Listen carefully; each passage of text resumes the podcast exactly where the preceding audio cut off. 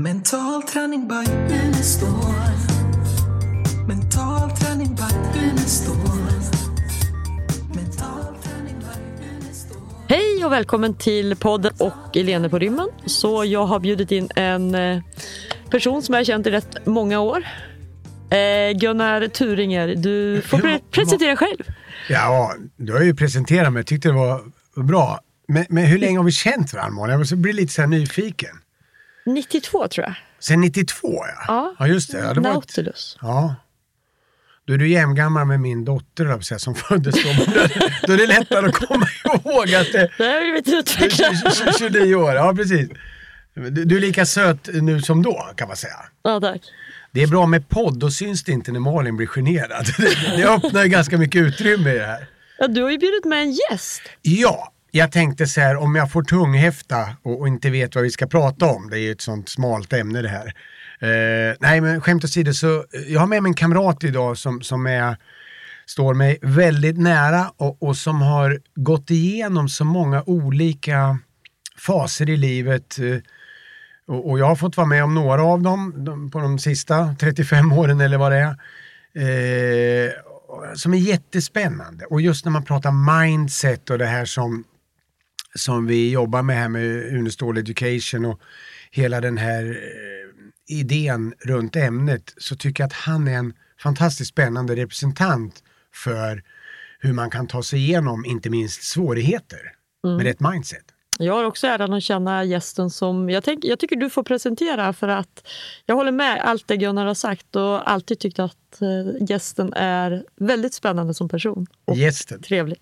Ja, och som jag brukar säga till Lars-Erik när vi, när vi eh, skålar ibland i, i bubbel att eh, utan gäst ingen fest.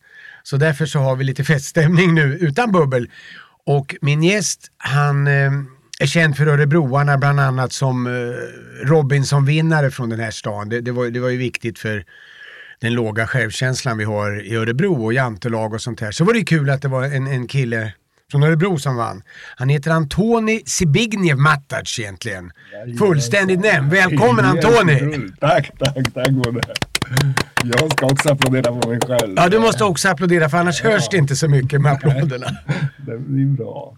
Du kommer ihåg när vi gick på Björnstugan förr och, och, och partaja lite. Då, när partajbandet spelade med Rolle då sk- skrek han alltid Vart är applåderna? Ja, just det. Ja, precis. Ja, men det var goda tider det. Det, ehm, Det ja. blir viktigt här nu, ta lite teknisk grej, att, att det är viktigt att vara i... Så, Nära. nu kommer vi höra det Nära bra med. micken. Det är ja, bra. Ja, ni anar inte hur stilig han är Antoni, Ja. men vi får, ni får föreställa er hur han ser ut. Eh, men då har jag eh, tagit mig ansvaret att, att ha en gäst, fast jag är gäst, så det ska bli spännande här, en liten ménage en trois. Nästa tre- gång tar jag också med en gäst kanske. Ja, det tycker jag. Då blir det som en sån här kedjereaktion. Ja, exakt. Men eh, du kommer ju från Polen ursprungligen, vilket Ja. är spännande bara det. Jag, jag tänkte om vi skulle backa så långt tillbaka som innan, innan den underbara tiden i livet när vi lärde känna varandra på 80-talet. Så eh, hur kom det sig egentligen att, att, att du skulle från Polen till Sverige? Det var inte så mm, jättekomplicerat. På den tiden var Polen, ju, Polen ko, en kommunistisk styre kan man säga. Och då, och då var det som en våt filt över hela samhället. Så jag som ungdom då, när jag kom hit var jag 20 år. Så sen 17-18 års ålder så, så tänkte så hade man liksom ingen framtidsvision för att eh, man såg ju på exempel bredvid, alltså morsan, farsan, det spelar ingen roll om du är VD, läkare eller arbetare, arbetar med, med att eh, gräva diken, då tjänar du ungefär samma. Och dessutom så kunde man inte köpa någonting för det. Och dessutom så, så fanns det inget att, att, att, så att säga, köpa av basprodukter. Jag Det- kan det är flika in där, för- Toapapper eller någonting sådär. Det, det var typ så här. Nej, men jag vet precis, för att Mm. vi var ju med landslaget i Polen under den tiden och jag vet vi fick ju en viss summa med Mm. som, och skulle göra av med. Och det var ju inte helt lätt. Nej. Det var lite Nej. kristall vi köpte och Nej. typ några Nej. dukar, men det, det fanns liksom inget. Så jag så, förstår vi, det. så, ja, så alla ungdomar hade en gemensam dröm. Väst. Det är förmodligen samma dröm som de har i Afrika nu. som kommer, alltså det är mest ungdomar, Si- sista här i Spanien, den här enklaven, då var det ju 15 år uppåt. Jag, jag, jag, jag förstår exakt liksom. Det är som helt hopplöst. Men då eftersom jag vi undrar då och är väldigt tacksam för förstås idag på, av hela mitt hjärta att, att, att du valde Sverige. Ja. Den, den svenska modellen. Men jag undrar lite så, va, va, va, Sverige, var det liksom slumpmässigt eller fanns det någon koppling, någon bild av Sverige som du tyckte var spännande? Vart man skulle åka var helt slumpmässigt. Alltså kanterna på drömmen handlar, alltså själva drömmen ha, handlar kanske om New York, Berlin, London så här. Det, det, det var pudelns kärna. Men kanterna på drömmen, då var det, kommer jag ihåg, vi pratade till och med om Kiruna.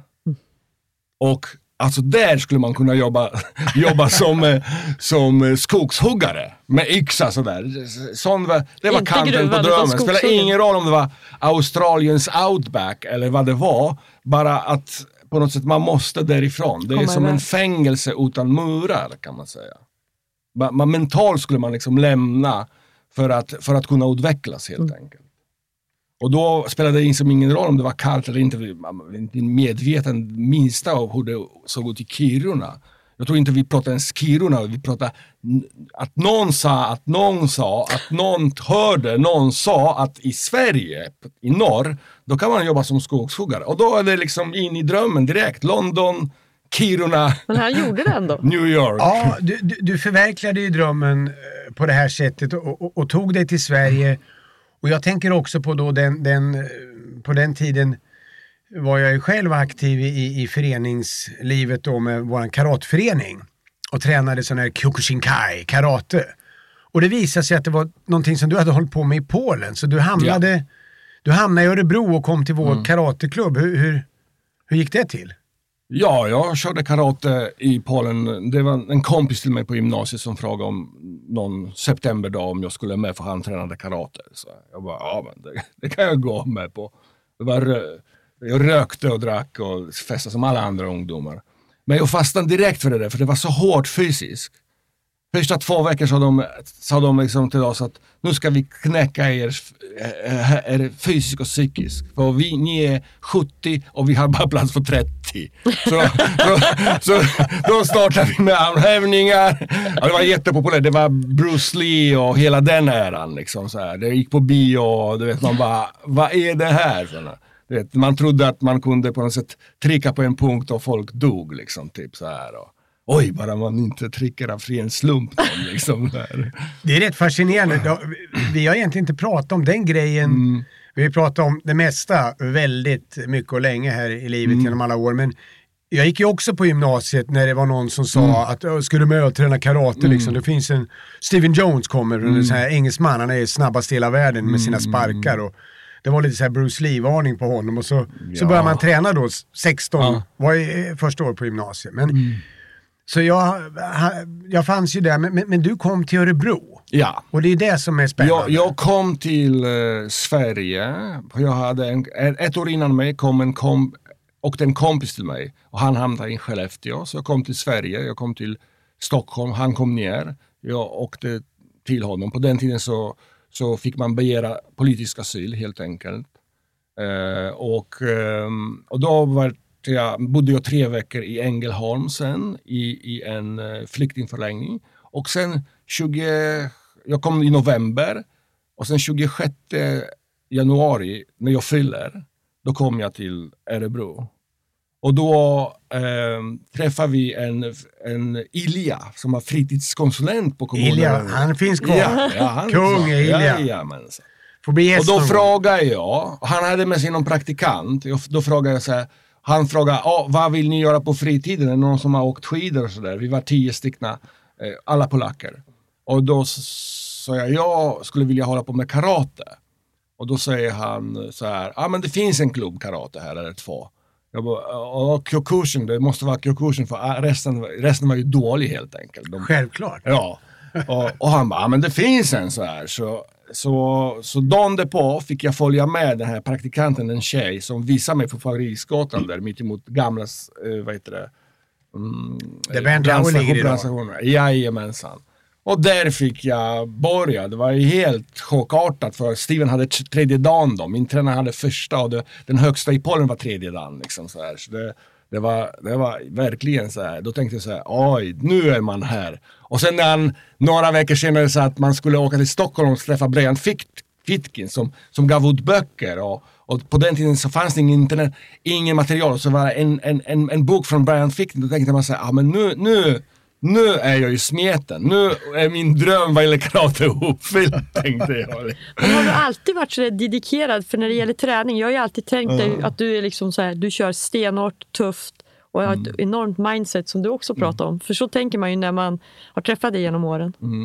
Nej men det är samma säkert som för dig. Att, alltså, hittar man någonting som man brinner för och, och då, då räcker inre motivation ganska läng, långt. Liksom. Och då, då, på, på gott och ont då. För, för med facit i hand då skulle man kunna kanske lä, lä, lagt upp den här träningen lite annorlunda då för att man skulle också få någon slags utveckling på tävlingar och, och sådär. För det, det visste man inte. Men däremot så vad gäller, vad gäller sinnet och, och, och mindset som du säger, hårt daglig träning utan vila eller någonting sådär. Det var ju bra för det.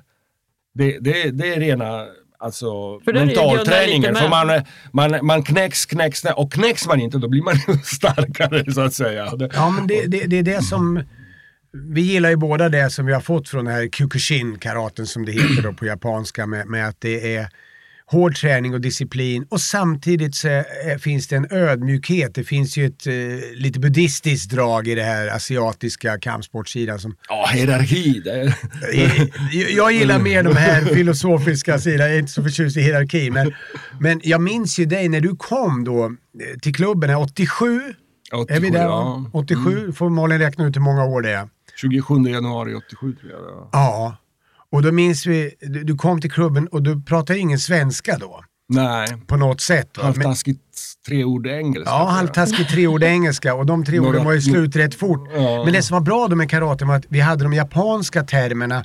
All träning gick ju på japanska, alla tekniker, kombinationer, allt vi gjorde var på japanska. Så det hade vi ju samma språk. Ja. Men sen minns jag också att det var väldigt kallt. Förr i tiden var det kallt på vintrarna Mm. på riktigt alltså. Det var så här 20 minus. Och Antoni kom i så här tunna bomullsbyxor och några jävla cykelskor och gick. Du gick från någonstans, var du, på någon... Adolfsberg, ja. Vi, vi hamnade i Adolfsberg i sanatorievägen, det var en vandrarhem där. Så innan vi fick så att säga eh, sen ansöka om någon slags lägenhet och så, där, så var vi placerade där. Tio stycken. Eh, så. Och, och, då, och då gick jag från början och du providade mig med cykel faktiskt. Ja, så jag fick precis. låna och sen så blev den dålig och sen eh, och Ja, den sen- cykeln har jag sen aldrig sett. Nej, den, den, den, den blev snodd då. Men Och cykeln jag och låtsas Antoni, det som- hör ju ihop. Man, Ja, absolut. Och det, det, det, det, det känner jag lite stolt över det att jag försåg eh, Antoni med hans första cykel här i, i när han startade sin eh, karriär som svensk. 87. Och du, du, jag hade någon, du fick någon sån här plastkasse som vi säger med, med lite kläder med. För jag tyckte att du, du skulle dressa i lite annan riktning. Men, eh, så det, det, det började vi umgås och sen, sen har vi ju gjort det sen dess. Ja, vi, har ju, ja. vi har ju fortfarande inte kommit överens så Ja, att men det var bra, du fick så här första jobbet också och sådär. Ja, Jag- just det. Jag är praktexempel hur typ integrationen bör gå till på ett ungefär med hjälp av idrotten. Mm. Hamna direkt i en förening, träna, börja, jag till och med hade bara 200 kronor för att betala eh, för träning och det kostar 500 kronor. Och då, och då med, med lite sådär, okej då sa Steven. Men jag frågade, ah, men kan jag inte göra något annat? Ska jag inte städa eller någonting? Okej då, sa han. Och sen fick jag slita där varje lördag och, och torka ventilationen och allt möjligt. Liksom.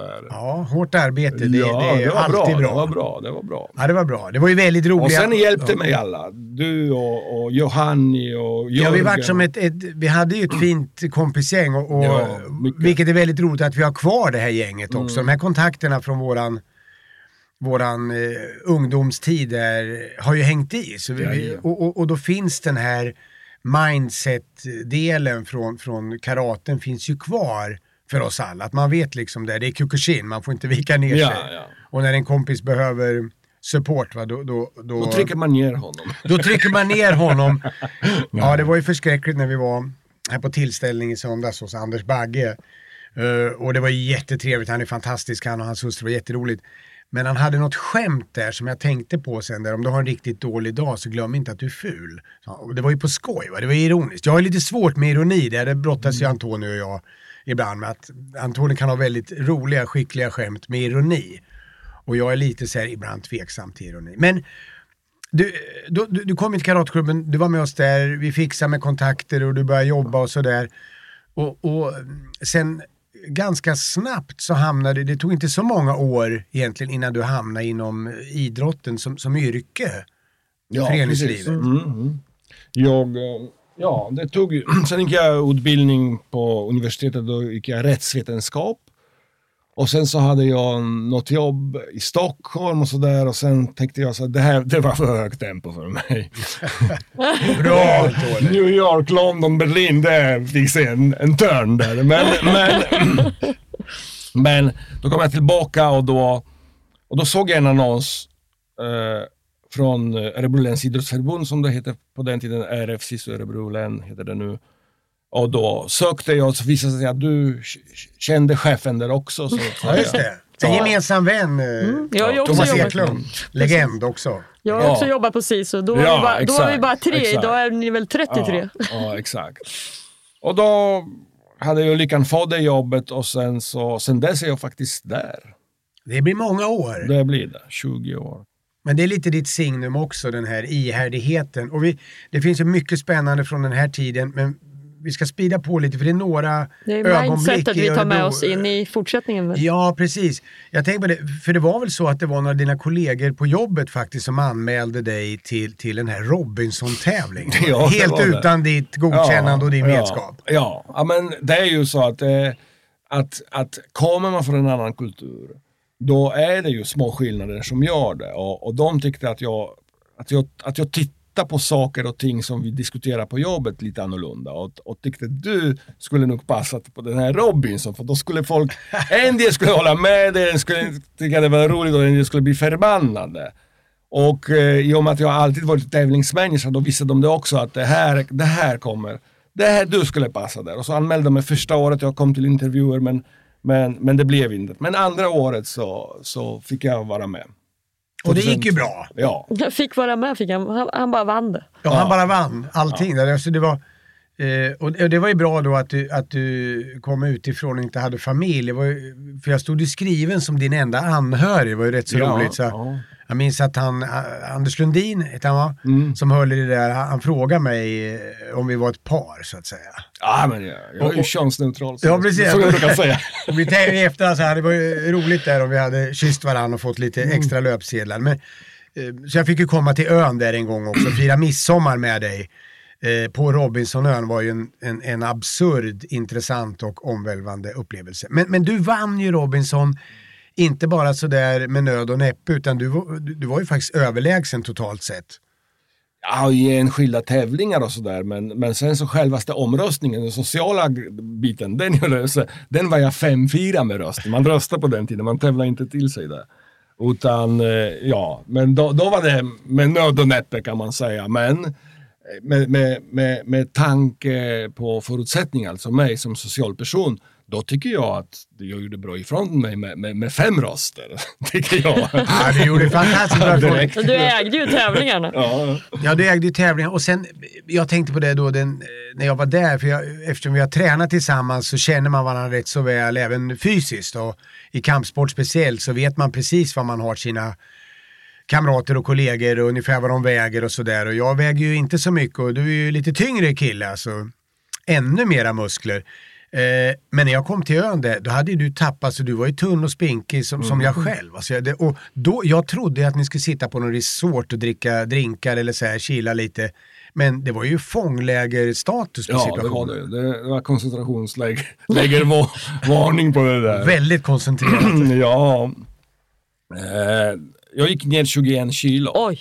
Från 102 till 81 när jag kom, vägde mig. Och då, sista dagarna när när du åkte. kom, när, du, när du kom, då var, då var det typ sista veckan eller någonting, så, eller tio dagar. Då hade vi ändå börjat liksom göra sig av med folk och, det är så här, och få, få det bättre på matfronten. Liksom, för att, eh, ja, de...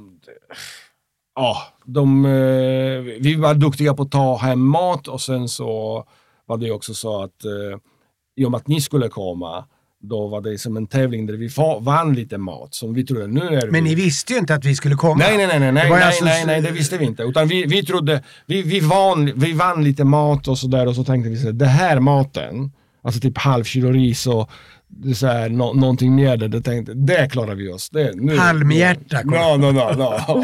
Men då kom typ du hungrig och, Ja, alla var ju, det och, var ju och så det vin var hade mer. Så, ni, så, så det rä- räckte till en kväll och sen bakfyllebrunch. Och då pratar vi, mat den, här, den här middagen vi hade på midsommar, jag vill bara tillägga det, det bestod alltså av ris och sniglar och lite palmhjärta. That was it. Och sen hade ju produktionsbolaget sett till att det fanns lite vin, så vi var alla utmattade, jättehungriga och med några droppar vin till det så var det väldigt känsloladdat. Det var ju många som grät och bröt ihop utav, utifrån Jag tror att det beror på att, att folk typ så här, gillar sin familj och sådär. Kanske, jag, jag vet inte. Men att de... Ja, för det, det blir ju... Går man ner i vikt då tror jag att alla som har gjort det någon gång, då, då känner man liksom att man är försvagad. Och det måste vara mentalt också på något vänster. Ja, sen blir man ju lite utlämnad. Man har ju Ja. liksom inte sina närmaste och trygghet och så Nej. kommer det någon från det Nej. andra livet. Ja, och så måste man du vet, passa Mm. sig för backstabbing. Precis. Ja, men, men det var en fantastisk upplevelse och, och sen vann du det här och det var ju när vi fick vara med då på, på Spybar där med finalen och då hade ju vi i min familj så att säga vetat ett, ett halvår att du hade vunnit och det fick man ju skriva på papper och, och vara tyst om och så vidare. Eh, så det, det var ju fantastiskt. Eh, jag vet inte om jag ska avsluta där kring Robinson-grejen, men om du sammanfattar inklusive finalen och efterspelet med, med kändis, eh, låtsaskändisskapet där egentligen och, och all, all ståhej som var och alla, alla där på Stureplan sammanfatta liksom vad erfarenheten av Robinson var. Jag måste säga att det var bara bra erfarenheter.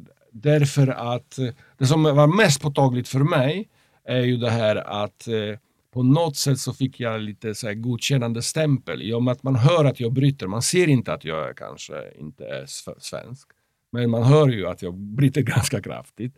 Då är det alltid det där liksom att folk tittar på mig eller säger saker så här. Ja, nu ska jag ta bilen och åka hem. Har du ens körkort? Typ, så här. Jag får höra det väldigt ofta. Typ sådana grejer. Men efteråt så var det så här, man, på den tiden man ringde jämt, till banken och jag sa vad jag heter, helt plötsligt så var, så var, så var tjänstevillighetsnivån på en helt annan nivå. Liksom. Då behövde man bara säga så ah, men jag skulle vilja så och så. Ah, det fixar vi på en gång och så där. Så. Det blir Ja, ett annat bra. bemötande alltså. Ja, precis. Ja, du vart ju lite Robinson-Antoni så att säga. Det är jättetrevligt, för det är fortfarande sånt att eh, går man och tränar någon, någon gubbe eller tant eh, kommer fram och bara Åh, jag kommer ihåg när du vann och så där. Det blir trevligt. En gång champ, alltid champ. Lite Men- som Ingmar Johansson. Precis, men det man ska säga också, du hade ju en otrolig fysik och vältränad i det här sammanhanget. Men det var ju det som var otäckt tyckte jag när jag kom till ön där att, att min kamrat eh, vi var ju enormt vältränad när han åkte så det fanns ju inga överflödskilon och ändå hade han gått ner över 20 kilo i vikt. Så det var för mig faktiskt en, en, en chock. Det, det, det var riktigt otäckt tycker jag. Jag minns att jag åkte ut med någon liten roddbåt från det stora skeppet och du simmade ut i vattnet så jag plockade upp dig i, i, i båten där och tänkte jag, vad är det här? Det är som ingenting kvar av Antonio. Vad, vad är det som har hänt? Nej, det, det var ju... Jag, också Du kunde till och med ha mina jeans när du kom Ja, hem. va? Det är ju exakt, det är ja. skräck. Bara en sån sak. Ja, men 80 kilo det har jag inte vägt på länge. Nej, Nej, man var ju oerhört stolt tycker jag som örebroare när du tävlar liksom, för du var ju så duktig. ja det, Antonio gjorde verkligen Mm. bra ifrån sig. Inget skitsnack, det kändes som att det var raka puckar och, och en, en, en teamspelare, en lagspelare som ändå gick sin egen väg. Och, och, och det, det är lite så som, som du ju är eh, på alla sätt som kamrat och betytt oerhört mycket för min familj. Du har ju varit med och fört alla mina fyra barn när de har tillkommit så att de, de är ju färgade av dig som en Inte när de har tillkommit kanske. Nej, kanske inte just när de har tillkommit, men, men, men, men, men, men, men kväll, på på kvällen innan. Så. Nej, men du har Du fick gå hem. Alla mina barn är vux, uppvuxna med att Antoni är så att säga, en del av, av familjen och, och, och det är vi ju väldigt glada och tacksamma för och, och, och betyder mycket fortfarande idag. Vi har ju en som är i New York, Stora Flickan, så du, Ja. den drömmen har du ju g- gratis tillgång till numera. Ja, ja precis. Ja, Bra boende på Manhattan. Men sen, om det här är ju fantastiska saker och, och, och roligt och framgångar. Men du har ju haft en oerhört eh, jobbig tid också som bakåt har varit många år med, med, som vi vet idag då, feldiagnostiserade eh, saker runt din hjärtsjukdom. Och som mynnade ut i här för vad det blir nu två och ett halvt år sedan så var jag ju med dig på, på nyårsafton av alla dagar eh, på akuten och på intensiven och där du hade hjärtstillestånd. Det här har gått så lå, långt alltså att du låg eh, och, och var helt enkelt död under Ja. flera minuter. Ja. Jag stod bredvid där och... Mer det var- sölat kan man säga. Jag vaknade och, Ja. och märkte att jag att, och frågade vad, har hänt? Ja men du har varit borta många, lång tid sedan. Ja, och, och det här tänkte du kunde berätta lite om som perioden innan du fick veta vad det var för sjukdom, hur det påverkade dig, hur du upplevde det och vad det sen i verkligheten visade sig vara. Ja, ovissheten också tänker jag. Ja. Nej men eh, det började typ, jag vet inte, 12 år sedan och, med någonting att, jag- att jag började känna att, jag, att, att mitt hjärta pallar inte med. Att jag eh, fick inte luft helt enkelt. Och då började de göra undersökningar och så här, och sen så fick jag en, en eh, efter något år fick jag en diagnos som eh, hypertrofisk kardiomyopati, alltså förstorat hjärtmuskel. Och att det skulle vara lugnt. Men då min fysförmåga då redan, den, har ju var ordentligt nedsatt. Några år senare, och sen så gick jag på kontroller varje år, några år senare så fick jag, fick jag hjärtsvikt. Alltså jag, jag var väldigt, väldigt dåligt och åkte in och låg där en vecka och då sa läkaren det är något annat. Det, det är inte bara den diagnos du har, det, det är något mer i kroppen som händer. Du har dåliga njurar och, det, och, och så där vidare. då, då, då, då började de utreda sitt och, och, och, och kunde inte hitta någonting. Och sen till slut min tjej googlade ju fram det. Att det skulle kunna vara det. Så jag ringde dit. Efter mycket om och men så fick de på något sätt kolla eh, den sjukdomen som hon föreslagit. Och det var något som kallas amyloidos, som kallas Skellefteåsjuka i Sverige, som är en genetisk sjukdom där där lever producerar en protein som är, som är felbyggt och fastnar i kroppen och förstör olika organ. Och det hade jag. Och då var så, så långt gånget så att, eh, så att när jag åkte till eh, eh, amyloidos centrum i, i Umeå då, då, hade de sagt, då, då frågade jag en dansk läkare, för det kan man inte fråga en svensk läkare. För då, hur lång tid har jag kvar? Då sa han tre år. Det är tre år kommer du leva, inga problem. så här, Och hur bara, länge "Ja, sedan är men- det? Ja, men det är, tror jag, i mars 18 eller någonting sånt där. Ja. 2018 i mars sa han det. Och sen så eh, eh, kom jag hem och så pratade jag med hjärtläkaren och, och han sa, oj vad optimistisk han, han var, tyckte läkaren då. Eh, i här, jag bara, jaha, sex månader kan, ma- max sa han. Och det sa han i juni 2018. Slutet på juni 2018. Slutet på december, efter sex månader, då ligger jag på intensiven helt död. Ja. Det var ju det som, jag kommer Mm. ihåg perioden innan där så, så, så ville du att vi skulle börja spela in videofilmer så du skulle berätta för dina barn, liksom, de var ju ganska Ja, små, Mm. både, både Axel och, och Zacke. Och så, så vi höll på med det liksom och, och alltså bokstavligen planera för din, din död. Ja, mer eller mindre, fast det på något sätt bekom mig aldrig så, så jättemycket. Men, eh, men eh, Jag ja, tyckte men det var jag tänkte så- jag, jag gör tyckte det var jag hyfsat kan, eh, jobbigt, kan jag säga. Det är som så här, jag är dålig på sådana här förberedelser och då, och då så här, vi spelar in någon film, Lars-Erik hjäl, hjälpte till. Ja visst, Eh, Lars-Erik förstås ja, hjälper alltid ja. till. Så vi, Och eh, så, men sen så, ja, och sen blev det som det blev. Vi kanske ska göra en podd av det, för det berättar Antonio om sin uppväxt och som, sin barndom och hur det var då. Men, men det har vi inte utrymme för just idag. Eh, men men det, det som är så makabert, alltså, vi höll på med det där och sen eh, ringer då eh, din tjej till mig och säger att nu, nu, nu har Antonio haft eh, eh, som ett hjärtstillestånd han är på väg in i, i ambulans och det, det verkar väldigt allvarligt. Så jag åkte in till, till akutmottagningen och, och fick man snacka sig in där och så är vi på intensiven och då, då dör ju du helt enkelt. Så Du har ett hjärtstillestånd som är på flera minuter. Då. Och de säger till mig att kan du vänta här liksom till hans familj kommer och så här. Det, det var ju oerhört, eh, ja, jag blir liksom tårögd när, när jag pratar om det så här. Va? Det, det var en jävligt jobbig grej. Och, och, men du kvicknade ju till. Va? Ja. Och sen var det ju ganska risig. Det var väl flera eh, runt om dig som, som kände att oj, kommer det här att gå? Alltså väldigt dåligt skick. Och ja. de kopplar på något tillfälligt sånt där, något Jag hade tillfälligt pacemaker, men innan dess så utreddes jag. Efter läkaren sagt att jag har sex månader kvar att leva, då, då började jag utredas för, för hjärttransplantation. Och när jag fick det här hjärtstilleståndet, då var jag färdigt utrett. Liksom, I alla fall. Jag kommer inte ihåg om beslutet fanns, men, men jag var färdigt utrett. Och sen från januari, så efter hjärtstilleståndet, så stod jag i kön. Eh, Och så hade jag turen att, med, jag har ganska sällsynt blodgrupp, då att efter tre månader så fick jag eh, nytt hjärta. Ja. Jag fick åka till Sahlgrenska. Och, och Jag kommer ihåg det, för, för, för du var ju ändå på, på jobbet. Ja, Fast du var i det här skicket. Du, du, du, du var inte sjukskriven. Ja. Du ringde till mig och sa, kan du komma och ta barnen för att jag måste åka och byta hjärta i Göteborg. Så jag, så Mm. jag tänkte, vad är det här? mm, Så jag åkte hem till dig där Ja. och, och, och Men jag- ambulansen kom på en halvtimme. Alltså då, då var det ju verkligen ja, snabba puckar. ja, precis. Väldigt snabba puckar. För, det, för då har man bara några timmar på sig att, att inställa sig så att säga. Men eh, eh, ja, exakt. Eh, glömde jag vad jag skulle säga, men det var något smart. Men du pratade också om övriga organ, hur du klarade det. För du sa att det påverkar Jo, jo, och då är det så här, tricket är så här lite grann att när lever producerar hela tiden, de vet, de vet inte riktigt om det här proteinet som det produceras, om den produceras hela livet eller om det kommer igång eh, lite senare i livet, det här felvikta proteinen. Men till slut så blir det så mycket så att, så att man måste typ byta organ som är påverkade, i mitt fall hjärta och njurar också och sådär.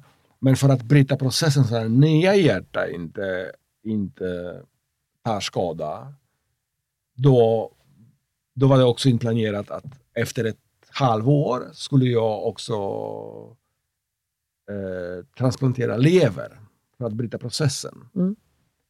Och, då, och då har man gjort det, men då kom corona och då, och då var det li, lite längre. Det, var, det, det tog något år innan... innan har Hur länge sedan är det du bytte levern också? Lever by- bytte jag i september förra året. Då blir det ett halvår mer, lite mer. Ja, just det. Nej, mer. Nio månader sedan. Och hjärtat då ett år innan det, två år sedan. Men nu kan vi konstatera då att då har du bytt hjärta eh, och, och, och varit död, bland annat. Mm. Bytt lever och varit och Robinson. Och, och, by- bytt lever och vunnit Robinson. Men, men idag är du ju fullt aktiv, du jobbar fulltid, Ja, ja. du tränar dagligen, ja. håller din agenda, även Ja, om du ja, klagar Ja, lite och säger att det går tungt. Men ja. med så här Ja, men- 8-10 pass i veckan så kan Ja, det jag vara lite försöker. tungt. De är ju korta så här. Jag försöker göra det jag kan så att säga. Jag kan ju inte springa och det, den påverkar ju alla organ. Så, så då har jag, ja, jag har tappat spänst i mina ben för det, för, för nervbanor, yttersta nervbanor är påverkade av den här sjukdomen och, och så vidare.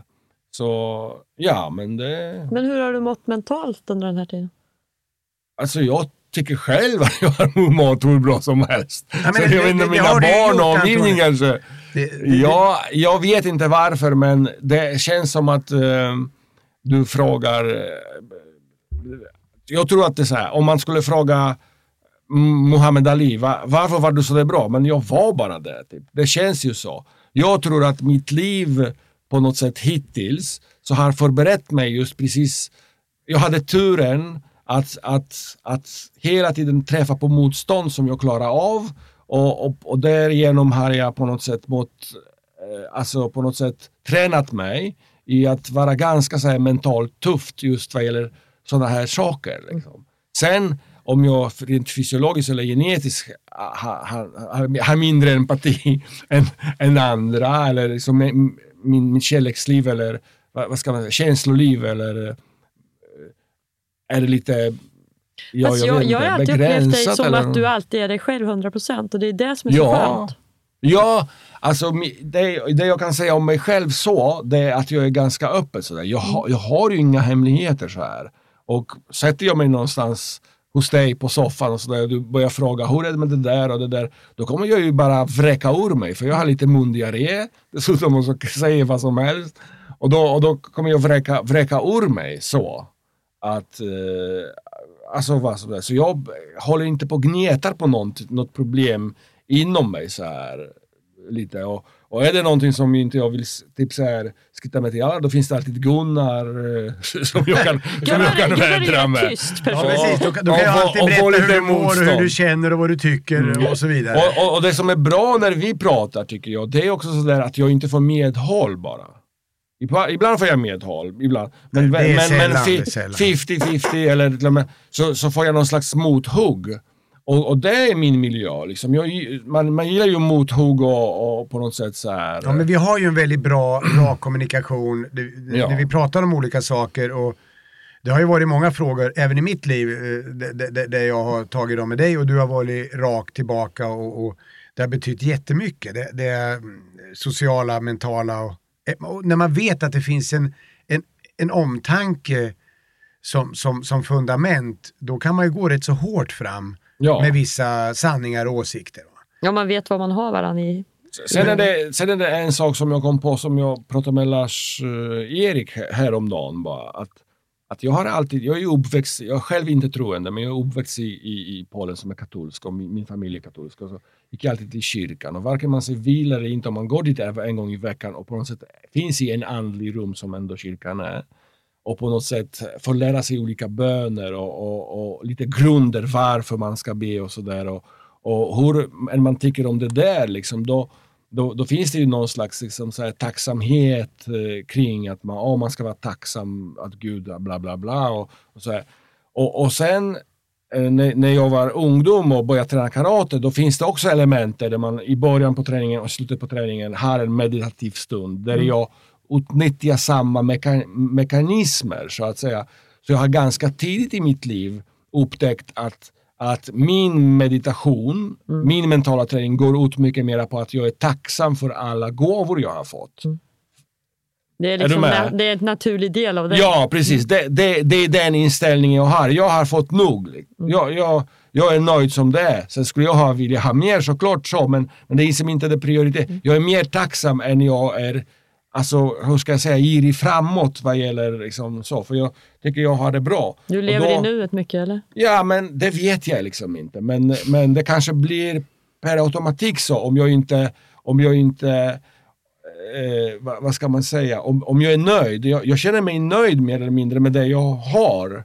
Sen är det inte så att jag lägger mig på soff, eller försöker inte lägga mig på sofflocket och bara, eh, så jag, jag, jag har ambition mer än så, men, men jag är nöjd med det jag har. Jag, jag är, alltså, som Gunnar brukar säga ibland, så förnöjsam. Liksom. Nöjd, Förnöjsamhet, bra ord. Ja, alltså att, att, att, med, med det här liksom. Och då, och då har jag någon sån här peace of mind också, som tror jag också är Lugna. lite granna så att jag, ja, att jag på något sätt tar det med ro sådana här grejer. Det, Men det känns så. Och lika Gunnar, du är ju otrolig på att leva i nuet. Ja, jag har ju svårt med något annat. Det är bokstavskombinationer som gör att jag är väldigt eh, förälskad i nuet och att vi gör det här just nu, eh, det är underbart och, och det var ju ganska några sekunders framförhållning så att säga. Men, men, men de här grejerna som, som Antonija representerar på ett fantastiskt sätt tycker jag det här med förnöjsamheten och samtidigt ödmjukheten. Att hon har alltid varit ödmjuk när, när jag har haft perioder man mått sämre eller haft motgångar i livet, vad det nu är, varit fysiskt eller känslomässigt eller ekonomiskt eller så här, fått smällar ibland. Då, då, då finns det en bestämd uppfattning och, och raka puckar men ödmjukhet och, och omtanke. Va? Så att, så att, eh, Men det känner man ju er emellan också. Och jag känner att vi ska ju också ta ett program, för Gunnar har ju också, du har ju också häftig resa. Du har varit med om en del. ja, det har jag varit. Och, och, och det värsta är att allt är sant. Ja, precis. ja, men det, det är också en reflektion som jag har så här.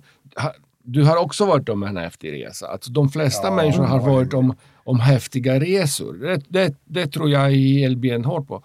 Sen, eh, alltså vad betalas? Vad, vad är intressant? Vad är mindre intressant? Eller, eller hur man kan prata för sig eller inte.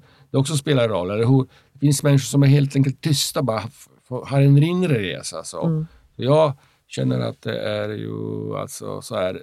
Jag känner inte av all- att, att, att, att det är ovanligt att, att folk har ju liksom... Man är ganska van vid sig själv. Ja, Ja, men, men, och, och det är som, som hon eh, Emma Trygg som är en, den yngsta tjejen tror jag. Som, Mm. Hon är trygg. Som gått utbildad. Ja, det är så fantastiskt att hon heter Emma Trygg fast hon var otrygg när hon var i tonåren. Hon är ju den yngsta tjejen som har gått de här utbildningarna med coaching och mental Mm. träning och så vidare.